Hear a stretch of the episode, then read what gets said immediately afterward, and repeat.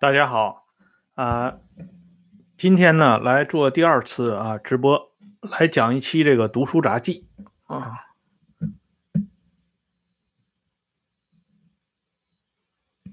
今天的这期读书杂记呢，讲的内容呢是光绪皇帝的驾崩之谜啊。呃，题目写到就是慈禧太后是如何让光绪皇帝。提前驾崩的这个历史悬案呢，是发生在公元一九零八年十一月份。一九零八年十一月二十四号，清朝倒数第二代皇帝清德宗光绪皇帝突然去世。第二天，啊，掌权长达四十八年之久的西太后那拉氏也。宣布去世，这两个人的去世呢，在当时啊，称之为两宫大刑。这两宫一前一后，只隔了不到二十四个小时，所以这件事情成为清末清宫几大疑案和谜团之一，甚至可以说是之首。根据当时的一些重要当事人。留下来的口述啊资料里边呢，进行梳理，所以后代研究中国近代史的史学家，对于光绪皇帝为什么突然就走了这件事情呢，表现出浓厚的和极大的兴趣。所以呢，今天呢，利用这个读书杂记的时间，给大家把这段事情呢做一个简单的介绍。我们先来说第一个重要的当事人。这个人啊，以前在讲袁世凯的时候，曾经专门提到过，他的名字叫查纯奇。他呢，他的老爹叫曾崇，啊，就是当时担任清朝内务府第三席大臣的这么一个关键性人物啊。第三席就是类似于咱们说这个啊，第二副主任。啊，第一席大臣呢是相当于主任，第二席呢相当于第一副主任，呃，第三席就是第二副主任或者叫常务副主任。曾崇这一家呢是祖孙三代都是内务府的大臣，啊，可以说是在这个内务府系统里边是一个非常啊显赫的家族，所以查存奇关于光绪皇帝去世的。这段口述材料呢，一直以来都被看作是重要的旁证，而且那个时候，一九零八年十一月二十四号这一天，查纯奇已经是成年人了。他呢，也在啊第二现场。第二现场呢，就是当时宫里头派人来传话，首先告诉的就是内务府第三席大臣曾从。曾从呢，这个时候在干嘛呢？正在和两个弟弟啊，就是查纯奇的两个叔叔在一起吃吃饭。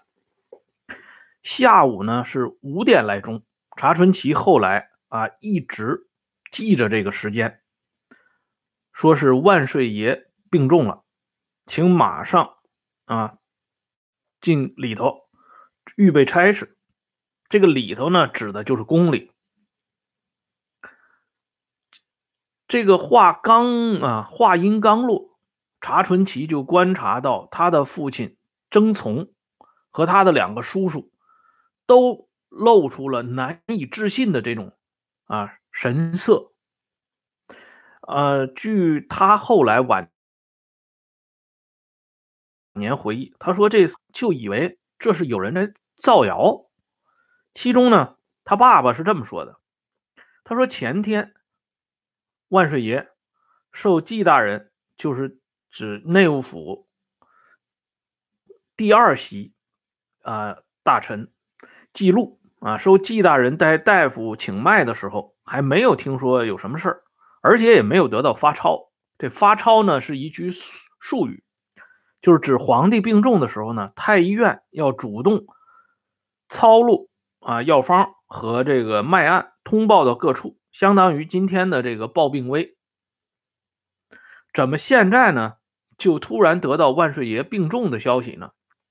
接下来曾崇给这个首席内务府大臣奎俊打电话啊，那个时候一九零八年的时候，这些王公显贵们已经家里都安装了电话了，所以彼此之间啊联系比较方便。打电话以后才知道，奎俊事前作为首席内务府大臣，也是一点消息都没有得到。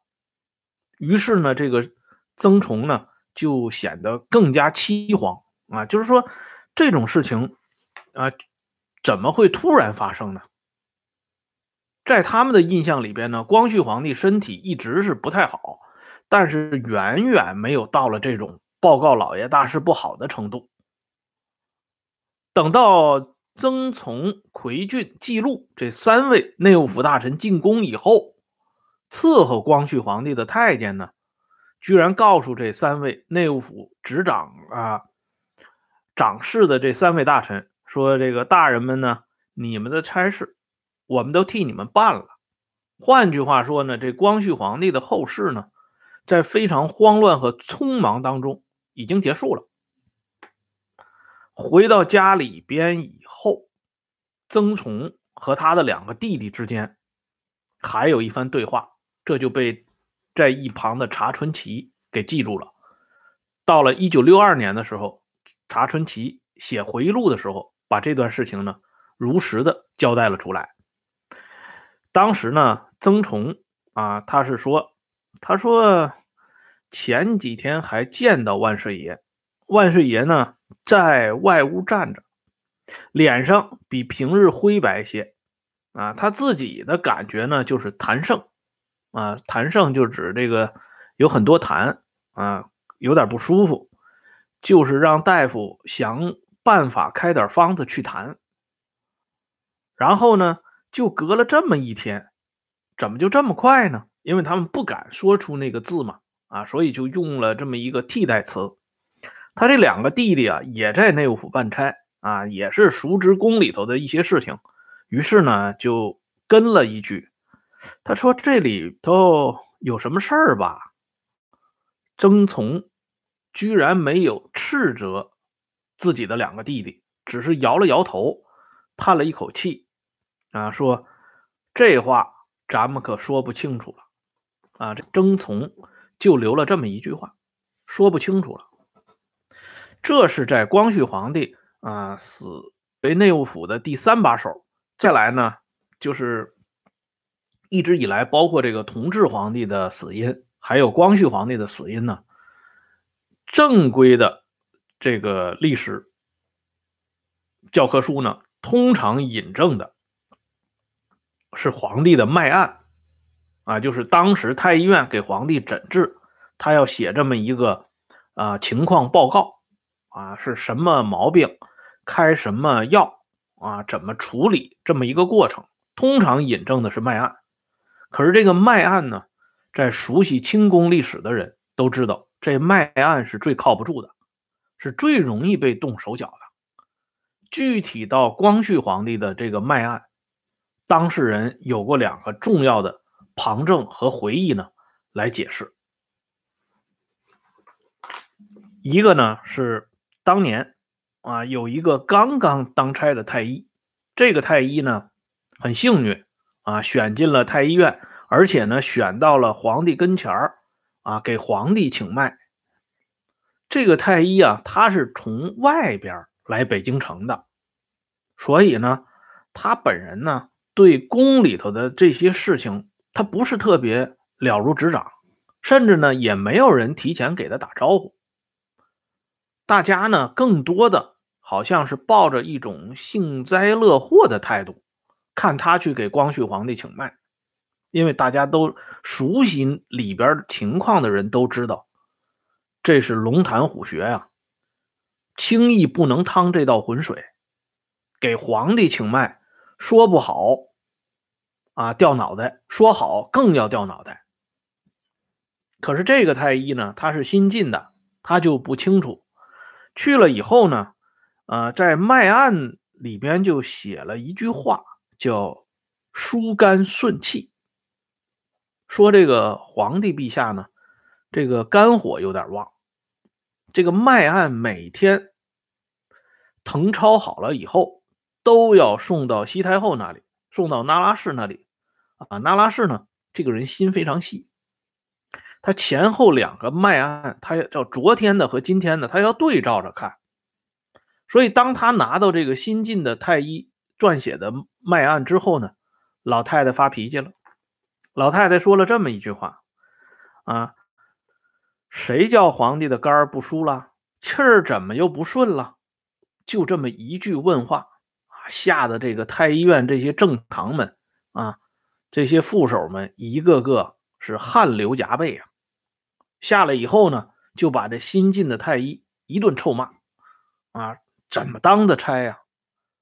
太后老佛爷都发脾气了，什么呃疏肝顺气，这不是胡扯吗？万岁爷天天都是好心情，那肝火怎么能旺呢？啊，不可能的事儿！这太医呀，就这一件事就明白了，这里边的水太深了。所以呢，赶紧磕头请罪。打这儿以后，虽然还是这个新晋的太医给光绪皇帝请脉，可是他的脉案里边呢，都是改成了和肝调气啊，甚至呢，把这个肝上的毛病呢往别的地方去引啊，不提这个肝脏的问题了。举这个例子呢，就可以看出这个脉案方面造了什么样的假。再有一点呢，就是清朝宫里边有一个规矩，就是当这个皇帝呢，呃，嗝屁了以后，要把皇帝生前的一些遗物分发给这些啊近支亲贵和比较亲近的一些啊进士内臣们啊，做一个念想啊，这也是一种这个呃荣耀啊。你比如说，当年咸丰皇帝死了以后啊，咸丰皇帝呢。啊，身身边藏的几个印章，就赏给了恭亲王奕欣。啊，奕欣呢拿到这个印章以后呢，一下子啊就想到兄弟俩哥俩当年两小无猜的时候，啊，就那个时候小的时候，就他们俩年龄差不多，所以呢，经常是在一起玩的很高兴的小伙伴啊，就一下子想到那个岁月了。睹物思人啊，这鼻子呢还酸了好几回。哎，因为后来呢，哥俩是分道扬镳了。所以这个例子呢，也同样适用在光绪皇帝身上。光绪死了以后啊，啊，他的遗物呢也分发给这个是，包括啊查纯齐的老爹曾从这位内务府第三把手。这个曾从呢，领到的是一件绛色凝绸面的皮袍。这个皮袍呢，查存奇当时是亲眼见过。他说，上半截呢是小锦毛羊皮，下半截呢是山羊皮。这个御寒的程度还赶不上一件普通的厚棉袄。可是呢，这就是光绪皇帝在冬天的时候。穿的一件衣服啊，这皇帝呀，万圣之尊呢，他就穿这么一个衣服，可见呢，从这个纪念品来回顾一下光绪皇帝生前的这个生活，他已经寒酸到什么程度了？而且据这个曾从啊自己回忆，他说这个皇帝啊住的那个房子里边，屋子里边。不是特别暖和，他就亲眼见过光绪皇帝的鼻子上啊挂着清鼻涕。吃饭呢也是受到限制，因为吃饭都是由这个宫里边直接送过去的。曾崇呢本人就见过，说只有摆到皇帝眼前的那几样菜呢是刚刚做的，剩下的甚甚至啊都有那个馊味了。每天都照样啊，热一下摆上摆过去，甚至连热都不热，就直接摆上去了。可见呢，这光绪皇帝生前过着一样一种什么样的生活啊？别说啊，跟这些王公亲贵们不能比，就是连一些啊中上级官员的普通生活都赶不上。所以这样一个人落到最后这么一个啊凄惨的下场，在查存奇这个年轻人心目当中，无疑留下了非常深刻的印象。所以他的这段回忆呢，正好从一个侧面让我们看到光绪皇帝他的死亡呢，是一个绝非偶然的事情。啊，你看老太太第二天走，头一天光绪皇帝走，这是非常偶然、非常巧合的一个事情。而我们知道，这日本啊，当年呢，在上个世纪三十年代，在东北有一个特名、特别有名的特务机关长，叫土肥原贤二啊，也是后来的战犯。这土肥原大将呢，他生前有一句名言，他就说：“天底下就不存在巧合的事情。”凡是巧合，一定内存深壑啊，就是沟壑的壑，就是里边一定有猫腻儿。他这个话呢，验之在光绪皇帝的死亡这件事情上还是比较吻合的。那么接下来呢，我们再来看另外一个重要的当事人的回忆。这个人呢，就是著名的啊，当代书法家启功老先生的太爷爱新觉罗溥良。溥良是中士，当时的官职呢是礼部尚书。这个我们都知道，清朝的这个六部呢是满汉各一个啊，都是尚书。但是呢，这个满洲的尚书呢自然是掌权的啊，汉人的这个尚书呢是陪衬。所以，尤其这普良又是中士，所以他在礼部的这个位置那是举足轻重的。而且那个时候呢。报报告给大家的就是说，太后老佛爷已经就是拖时间了，肯定就是这个晚上就走了。所以这些王公大臣们，特别是普良，他是礼部啊，他要呃最后要负责给老太太发送这些具体的这个环节，都要由礼部来操作。所以他们呢，在外间啊都跪得整整齐齐的。可是呢，这个老太太呢得的是痢疾，得拖的时间就很长。这这痢疾呢也是李莲英他们报告的啊。这个大臣们当时心里头都没底，都也都不知道到底是什么样的毛病。但是拖的时间就是很长，跪的时间久了，这些上年纪的这些大臣们就受不了了，索性呢就一屁股坐到台阶上啊，就坐在那里等。所以那个现场非常凌乱。就在这个时候呢，溥良看到一个小太监，啊，拿着这个盖碗从这个乐寿堂里边走出来。这溥良呢是啊职责所在，他呢就上去问这个太监，说：“你端的是什么东西呢？”啊，这太监说：“这是老佛爷赏给万岁爷的塔了。这塔了呢是满清的这个宫语。”啊，就是他们的俗语，用今天的话讲呢，就是酸奶，啊，送的酸奶。然后呢，这个溥良呢，就当时没太在意，啊，因为老佛爷赏给万岁爷吃的喝的，这在平时呢也挺正常。可是就在这个时候，啊，这时间不长，由隆裕太后。啊，就是后来做了隆裕太后的身边最亲信的太监张兰德啊，就我们都知道的小德张，他跑到太医院去宣布了，说万岁爷已经过去了，过身了。这样呢，这个溥良就觉得挺奇怪，而且正是因为光绪皇帝已经走了，那么伺候。那拉氏啊，慈禧的这些人呢，在里屋里才开始哭。里屋一哭呢，外屋也得跟着哭。所以后来留在溥良心目当中呢，是一两个重要的疑团，一个是老太太到底是什么时候走的？他是走在光绪皇帝前面吗？不见得，很有可能是一直在等着光绪皇帝。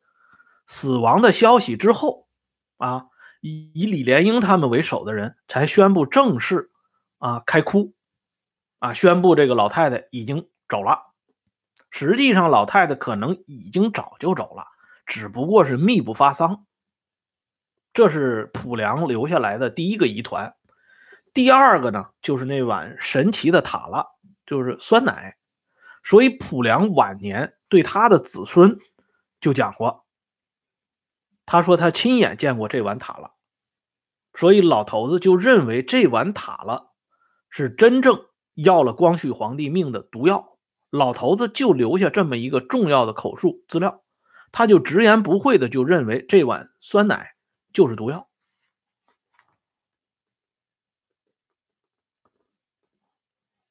这个后来呢，啊，呃，有另外有一个大夫叫屈桂亭，屈桂亭的回忆呢，是在农历十月十八号啊，光绪三十四年农历十月十八号，说皇帝突然肚子疼了起来，哎，而这个启功的太爷礼部尚书中士普良。也就是在十月十六号从东陵赶回北京，然后在十月十八号前后亲眼看到太监给光绪皇帝送的这一盖碗塔了。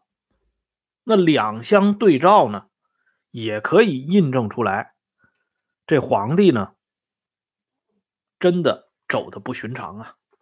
当然，这些东西呢，目前看还仅仅是推测。那么接下来的，啊，这么一段事情呢，就不再是推测了。这是发表在《近代史研究》二零零八年第三期的一篇重要文章。这篇文章的作者呢，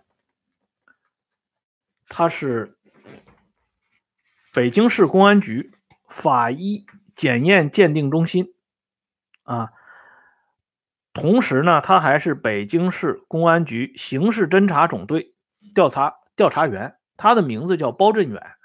包振远先生呢，作为一个刑事警察啊，或者是说常年致力于法医鉴定工作方面的专家，他的这篇专业论文为我们更好的揭开了光绪皇帝驾崩之谜。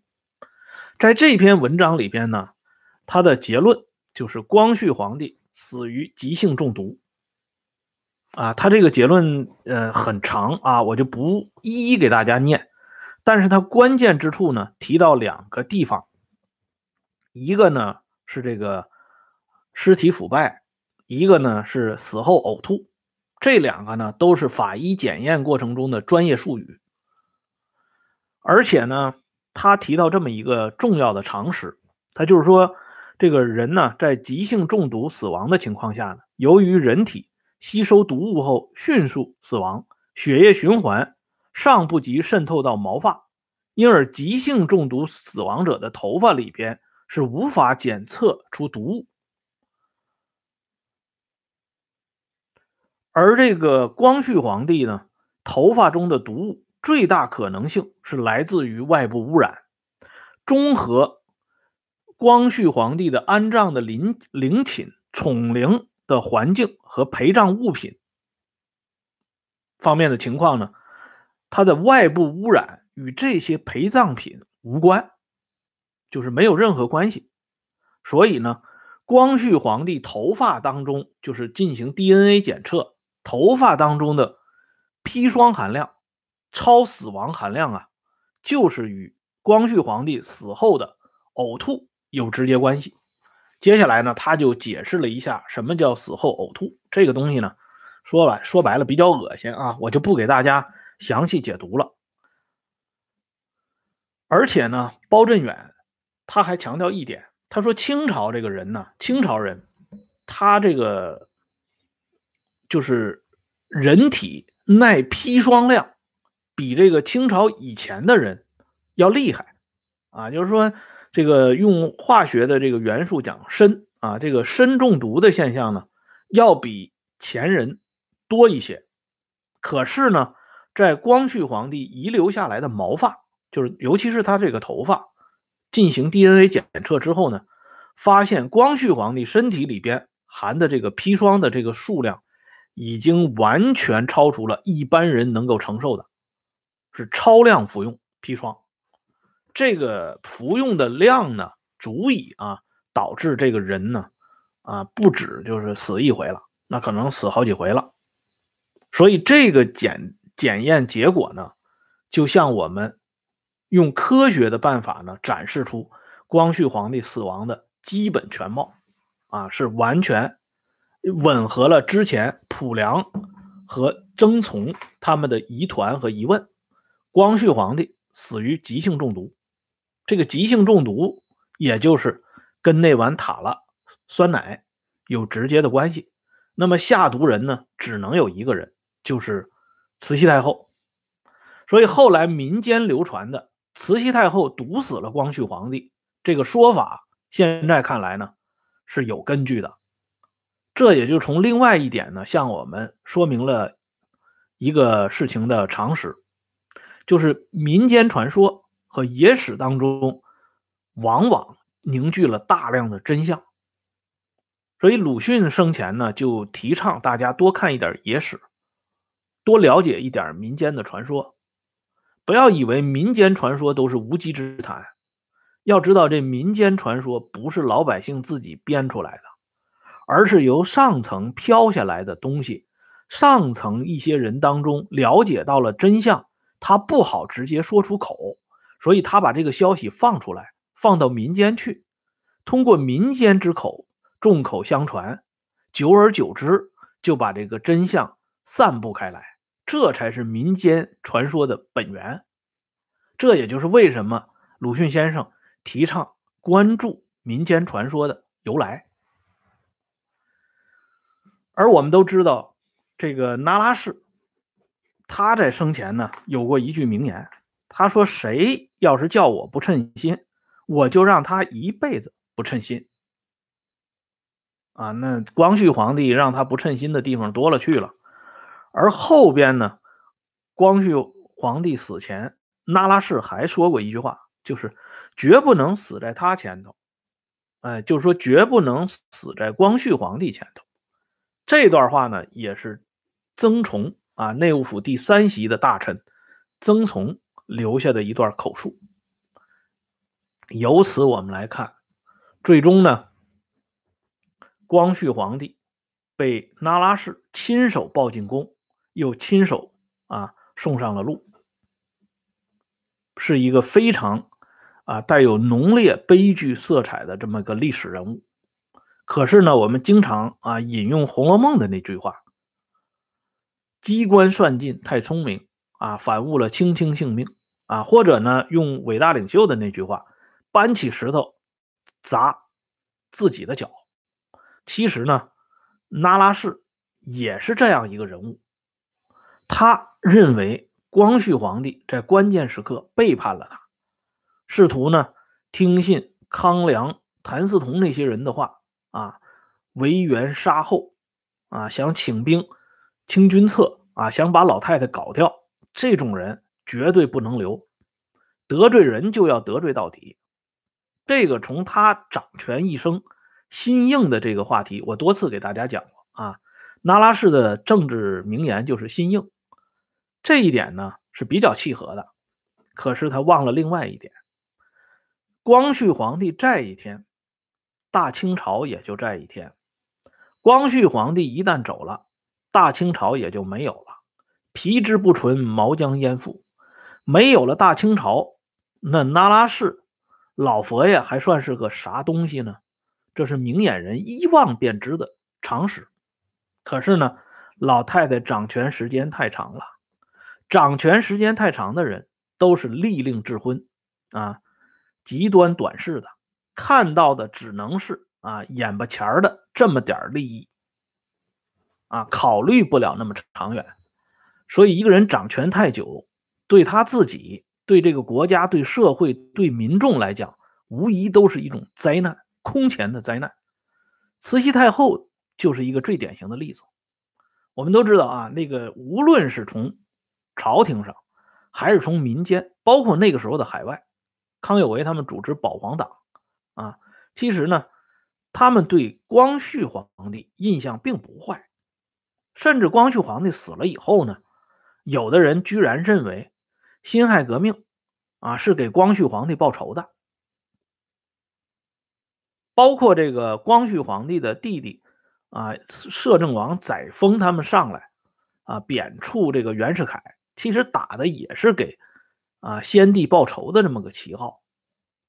可见呢，光绪皇帝还算是这艘啊爱新觉罗的大破船里边能够勉强说得过去的这么一个船长。可是就这么一个啊招牌呢，也让慈禧太后给砸碎了。那么接下来这个事情就没有任何悬念了，啊，慈禧太后自己呢，虽然生前没有受到任何的政治清算，可是她在身后呢，在她的万年极地里边，啊，谢谢老弟啊，谭嗣同肯定会讲一集的啊，放心吧，在他的身后，在他的万年极地，我们都知道军阀孙殿英啊。这个炸开了这个清东陵，为了一个这个那拉氏嘴里含的珠子啊，孙殿英手下的士兵呢，居然把老太太的肚子给豁开了，就为了找这颗珠子。所以老太太生前万万没想到，他这么一个啊掌权将近半个世纪的人，在他死后居然被人家开肠破肚，来了这么一场啊，这个。呃，运动，这也是从他毒死光绪皇帝那一刻开始的啊。所以呢，历史的这些不同的影像都在告诉我们一个非常朴素的真理啊：害人终害己，就这么简单。好了，今天呢这个话题咱们就说到这里。感谢李健老弟，感谢咱们这些朋友上来收看啊！我们明天同一时间接着聊。大家觉得这个声音还可以吧？啊，这个我刚才又调了一下声音。嗯，喂，喂，这声音还可以啊。好，好，好，好，那好了，那明天我们接着聊吧。啊，休息吧，已经很晚了。